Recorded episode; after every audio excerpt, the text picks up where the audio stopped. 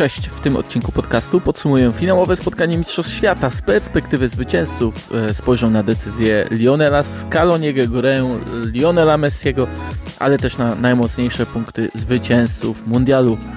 Co to było za spotkanie? To podcast zachodny do tablicy, który możecie znaleźć na platformach Spotify, YouTube oraz Google, a mnie możecie oglądać tydzień w tydzień w Viaplay. Zdaję sobie sprawę, że stoję trochę przed misją niemożliwą. Tak było po ostatnim rzucie karnym, gdy pomyślałem sobie, że analiza finału Mistrzostw Świata najlepsza byłaby no, pozbawiona tych wszystkich emocji, których można było doświadczyć w ciągu niemal trzech godzin oglądania. I jak trudno będzie jednocześnie oddzielić jedno od drugiego, zwłaszcza, że te emocje przekładały się na samo spotkanie, na piłkarzy, na to, jak szybko Francuzi byli w stanie wrócić do gry, jaki chaos zapanował w różnych momentach dogrywki, w tym na samym jej końcu. I uznaję, że nie da się tego do końca zrobić, choć mogę obiecać Wam, że postaram się w ciągu następnych kilkunastu minut, przynajmniej w paru punktach, zachować rozsądek, opowiadając o tym, jak Argentyna triumfowała w finale. Myślę, że w pierwszej kolejności trzeba spojrzeć na ścieżkę Argentyny do samego finału i finał. Łatwo powiedzieć, drużyna turniejowa, która z meczu na mecz grała coraz lepiej, ale przecież i oni mieli swoje kryzysy. W sumie to więc niech będzie historia o zespole, który przeciwstawiał się momentom, gdy nimi trzęsło. Tak było po dwóch straconych golach z Arabią Saudyjską i po porażce, e, a wtedy nawet aż do e, w zasadzie gola Lionela Messiego z Meksykiem, który tak jakby uwolnił ich z tej całej presji. Jednak pewien paraliż było widać nawet z Australią, już po spacerku z Polską, gdy bardziej agresywni rywale nagle uwierzyli, że mogą doprowadzić do remisu. Zresztą spójrzmy, Argentyna od drugiego spotkania strzelała minimum dwa gole – po pierwszym meczu e, Messi mówił, że objąwszy prowadzenie z Arabią, byli tak pewni swego, że już myśleli o tym trzecim, czwartym trafieniu, zanim udało im się podkreślić przewagę tym drugim. Mieli coś w sobie z zespołu, który kryzysy miewał ze zbytniej pewności siebie i to w sumie aż do finału bo po Australii byli Holendrzy, a w finale udało się e, oczywiście odrobić straty i to bardzo szybko, dwukrotnie Francji. Nie dlatego, że rywale nagle znajdowali sposób, łapali momentum, wykorzystywali swoje półszanse, zamieszanie, ze, zawahanie ze strony Argentyńczyków. To może być więc nie historia wyrachowania drużyny turniejowej, ale tego, że emocje potrafią wstrząsnąć naprawdę każdym. Argentyna była lepsza od rywali w każdym swoim meczu. Tu nie powinno być żadnych wątpliwości, a jednak musiała bronić się dosyć desperacko z Australią, walczyć o swoje w rzutach karnych z Holandią i dwukrotnie, tracąc prowadzenie w finale, zrobić to samo przeciwko Francji. Trochę jak w tej anegdocie, którą podzielił się już po finale e, na konferencji Lionel Scaloni, mówiąc, że rozmawiał z Messim o lekkim stonowaniu przekazu, który stawał się aż nazbyt emocjonalny. Selekcjoner Argentyńczyków bał się, że w przypadku porażki rozczarowanie w kraju i w drużynie będzie zbyt duże, że te, ten koszt tego budowania mm, e, tego przekazu wokół Messiego, wokół triumfu będzie zbyt duży. Ale wtedy Messi odpowiedział mu, że nie powinni się zatrzymywać, wahać i zastanawiać, tylko płynąć z tą energią. I ona za każdym razem jednak zwyciężała. Oczywiście błędem byłoby sprowadzenie wszystkiego do emocji, dlatego w drugiej kolejności chcę powiedzieć o Lionelu Scalonim, a więc em, trenerze, który e, po mundialu zostanie oczywiście obsypany komplementami, ale chyba jeden z większych, jaki można mu przypisać, dotyczy tego, że nie można mu przypiąć żadnej łatki. Nie jest bowiem ani trenerem defensywnym, ani ofensywnym. Potrafi współpracować z gwiazdą, ale też innych liderów odstawiać na ławkę i wstawiać zawodników, których dyspozycja jest wyższa, lepiej pasują do pomysłu e, i realizacji a nie mają takiego doświadczenia jak potencjalnie pierwszoplanowe postacie. Przecież Enzo Fernandez zadebiutował w kadrze Argentyny dopiero we wrześniu. W Katarze rozegrał zdecydowaną większość swoich spotkań. Doświadczenie Alexisa McAllistera nie jest większe czy dłuższe, a on również stanowił o ogromnej wartości drugiej linii. I to jest zasługa Scaloniego. On przed mundialem mówił, że zespół, który triumfuje, zwykle broni bardzo dobrze, ale do tego jest inteligentny, bo wie kiedy bronić, a kiedy atakować. Wcale nie trzeba dominować w każdym aspekcie i momencie, okupować połowy przeciwnika przez 90 minut, ale umieć zaadaptować się do warunków. Nie tylko jego Argentyna potwierdziła przecież tę teorię, ale też Niemcy czy Hiszpanie. Jedyny zarzut może dotyczyć e, tego, że w finale bardzo zwlekał ze zmianami, może aż przesadnie, wbrew łatwo zauważalnym spadkom energii. Duże problemy Argentyny wyniknęły wówczas z małych rzeczy. Wreszcie to Francuzi zaczęli wygrywać przebitki, zbierać drugie piłki, dominować fizycznością w pojedynkach. Tego efektem był rzut karny, ale też odbiór Kingsleya Comana, który zapoczątkował akcję na 2 do 2. Jednak w całym turnieju Argentyna pokazała uniwersalność taktyczną i przede wszystkim potrafiła zaskakiwać rywali, choć wydawała się dosyć schematycznie zbudowanym zespołem. W fazie pucharowej niemal bez Angela Di Marii, czasem z Messim i tylko jednym napastnikiem, a za to z trzema lub czterema pomocnikami, którzy ani nie należeli do czołówki kreatywnych zawodników z ich strefy, bo przecież Fernandez i McAllister tylko e, zaliczyli po golu oraz po asyście. Każda z decyzji Scaloniego się sprawdzała, choć z reagowania w trakcie spotkań można mu czynić uwagę. E, zajmę się tym drugim elementem, bo trochę już ten wątek rozpocząłem meczem finałowym, ale Scaloni nie potrafił opanować nerwów i u swoich piłkarzy i znaleźć sposobu na agresywnie grającą Arabię Saudyjską. Za Australią przejście na trójkę obrońców wydaje mi się, że zaburzyło pressing zespołu i obniżyło przede wszystkim Argentynę, co też otworzyło przestrzenie rywalom. Z kolei z Holandią też zmianami mocno zepchnął zespół do defensywy. To nie tak, że wszystko w tym mundialu układało się po myśli tego selekcjonera.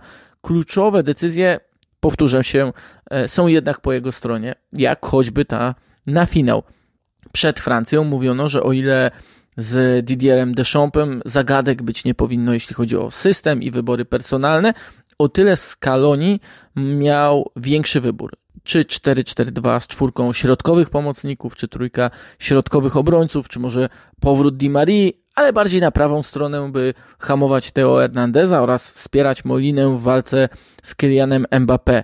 Tu jednak raz jeszcze zaskoczył Scaloni swoją elastycznością i przestawił skrzydłowego nawet ryzykując odsłonięcie prawej strony, gdzie miał głównie dreptać Messi, a w grze defensywnej wspierali go pomocnicy, zwłaszcza Rodrigo de Paul oraz Fernandez. Ten drugi w tej asekuracji wprawił się tak doskonale, że zaliczył zdecydowanie najwięcej prób odbiorów i to z piłkarzy obydwu drużyn.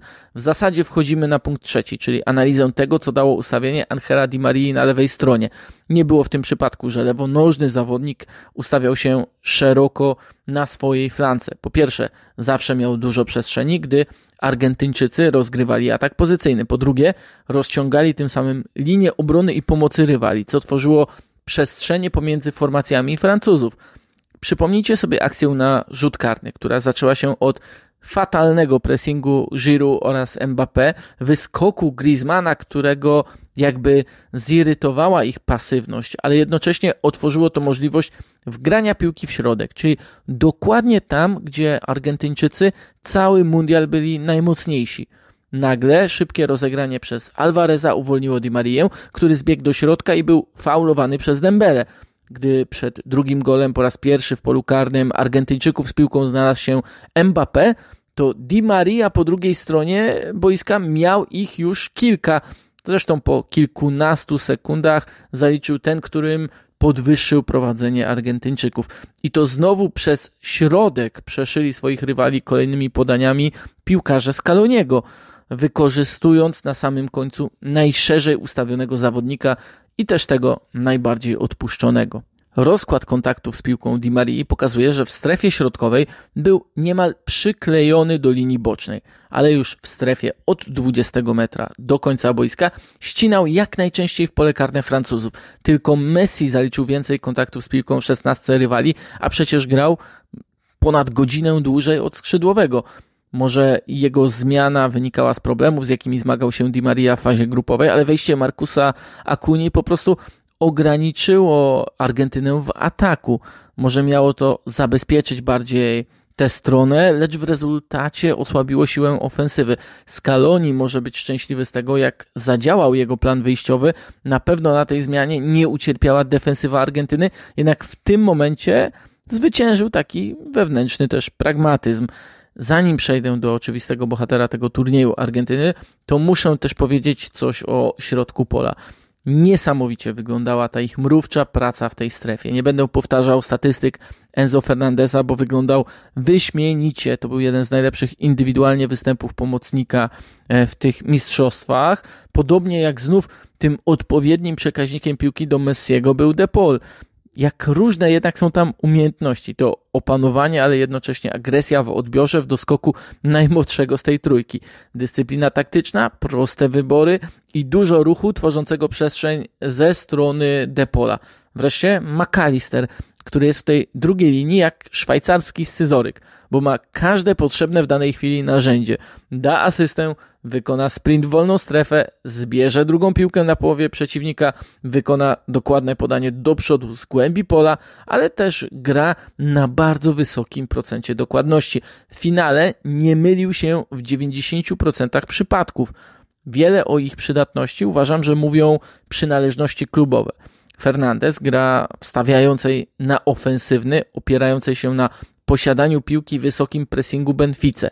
De Paul to bardziej funkcjonalna, zachowawcza gra Atletico, a McAllister to najpierw pełna wszechstronność za Grahama Pottera i od kilku tygodni przed mundialem jeszcze kolejna ewolucja Roberto de Cerbiego w sposobie ustawiania się, rozgrywania piłki, poruszania bez niej. Ta druga linia daje świadectwo też o Scalonim, czyli trenerze, któremu trudno przypiąć łatkę kierowania się na jeden konkretny styl gry. W zasadzie stara się on korzystać ze wszystkiego, co dobre, co potrzebne w takim turnieju jak Mundial i druga linia to udowadnia. Wreszcie Messi. Tego nie można powiedzieć głośno, że miewał na mundialu momenty genialne, jak to zagranie w akcji na 2 do 0, jak cały atak przy trzecim golu, jak nawet ten rzut karny w serii jedenastek, jak wiele rzeczy, które zrobił w trakcie mistrzostw, ale i tutaj ta część przemilczana, długimi fragmentami go nie było. W drugim kwadransie finału zaliczył ledwie kilka kontaktów z piłką. Od 73 aż do trzeciej minuty doliczonego czasu gry miał tylko 7 razy piłkę. Daleko też od bramki przeciwnika, do tego ta nieszczęsna strata. Po akcji na 3 do 2 też już go nie było w meczu. Z drugiej strony tylko trzech Argentyńczyków miało częściej piłkę od niego, tylko z Polską częściej otrzymywał ją w strefie ataku i w polu karnym przeciwnika. Dlatego był wielki. Miał dobre decyzje. Aż 40 z 63 jego zagrań było skierowanych w strefę ataku, ponad połowa do przodu, jedna trzecia na jeden kontakt. Nie przetrzymywał piłki, jeśli nie było takiej potrzeby. Wiem, że w przypadku oceny jego gry trudno zachwycać się rzeczami podstawowymi, bo przecież je wykonuje i tak na najwyższym poziomie, a to, co jest ekstra, jest ważniejsze, bardziej spektakularne. Jednak uważam, że bardzo Argentyna potrzebowała tych dobrych, szybkich wyborów i to pokazała również ta sytuacja, w której piłkę stracił, gdy doskoczył do niego Coman, bo on się zawahał. Nie potrzebowali Argentyńczycy Messiego spektakularnego, kiwającego się z trzema, czterema zawodnikami naraz. Nawet nie potrzebowali takiego jak w meczu z Chorwacją, ale wykonującego robotę na swoim, swoim typowo wysokim poziomie, będącego we właściwym miejscu i we właściwym czasie, przyspieszającego, gdy wyczuwał swój moment i moment drużyny. On też wyglądał na wyczerpanego, jak cała Argentyna, ale no taki był ten turniej. I on też w decydującym meczu swoje popracował w defensywie, pewnie najbardziej w tych mistrzostwach. Messiego trudno zamknąć w ramy taktyczne, ale Argentynie udało się to niemal w każdym meczu. Opowiadałem o tym w poprzednim odcinku w kontekście gry defensywnej, lecz ofensywnie również ta umiejętność dostosowywania się, wykonywania ruchów wokół niego sprawiła, że gra ekipy Scaloniego wyglądała znacznie bardziej naturalnie. Niezależnie od tego, czy atak rozgrywali pod bramką i w ścisku, czy od własnej połowy. Przecież to niemal się nie zdarza, by reprezentacja klepała sobie piłkę tak, jak przy każdej akcji bramkowej robili to Argentyńczycy. I to jakakolwiek reprezentacja, a co dopiero zespół, który do imprezy przygotowywał się przez tydzień, którego środek pola był też wymieniony w obliczu różnych zdarzeń i decyzji selekcjonera. Oni byli ekipą klubową i to w dobrym tego słowa znaczeniu. Wyglądali w tym wszystkim znacznie bardziej naturalnie niż Francja, która przecież nie była i nie można jej określić mianem przepychającej mm, kolejne spotkania. A Argentynę można by opisywać bardzo długo, bo to przecież jeszcze świetna szychta w każdym meczu Juliana Alvareza, nad wyraz solidna i aktywna linia obrony, też wyrażająca e, agresywność, którą cechują się mistrzowie świata. Ostatecznie jednak trzeba ocenić, że triumfowała drużyna, której płynność w grze, intensywność i ta naturalność wymieniana przeze mnie, to wszystko były aspekty na poziomie zbliżonym najbardziej do tego, do czego jako kibice jesteśmy przyzwyczajeni tydzień w tydzień. Mundiale nie są od tego, by wyznaczać nam trendy, ale by nas poruszać emocjami, momentami piękna, historiami, narracją, wszystkim tym, co zostaje z nami na lata. A Argentyna z tym, co pokazała w Katarze, dostarczyła wszystkiego po trochu, choć najwięcej będzie z tego nerwów, łez, zachwytów, śmiechów i śpiewów. Wszyscy wiemy, jakim kosztem do turnieju w tym kraju doprowadzono, jakie grzechy ma na swoim koncie FIFA, jakie grzechy ma na swoim koncie Katar, ale w tym wszystkim od Messiego, od Scaloniego, od jego piłkarzy poszedł w ostatnich czterech tygodniach jasny przekaz. Futbol jako dyscyplina, jako coś spajającego grupę zawodników, ich rodziny, kibiców, cały kraj, jako sport, jako fenomen do przeżywania i do analizowania. Futbol po prostu zawsze się obroni. Nie ma dla nas lepszej informacji.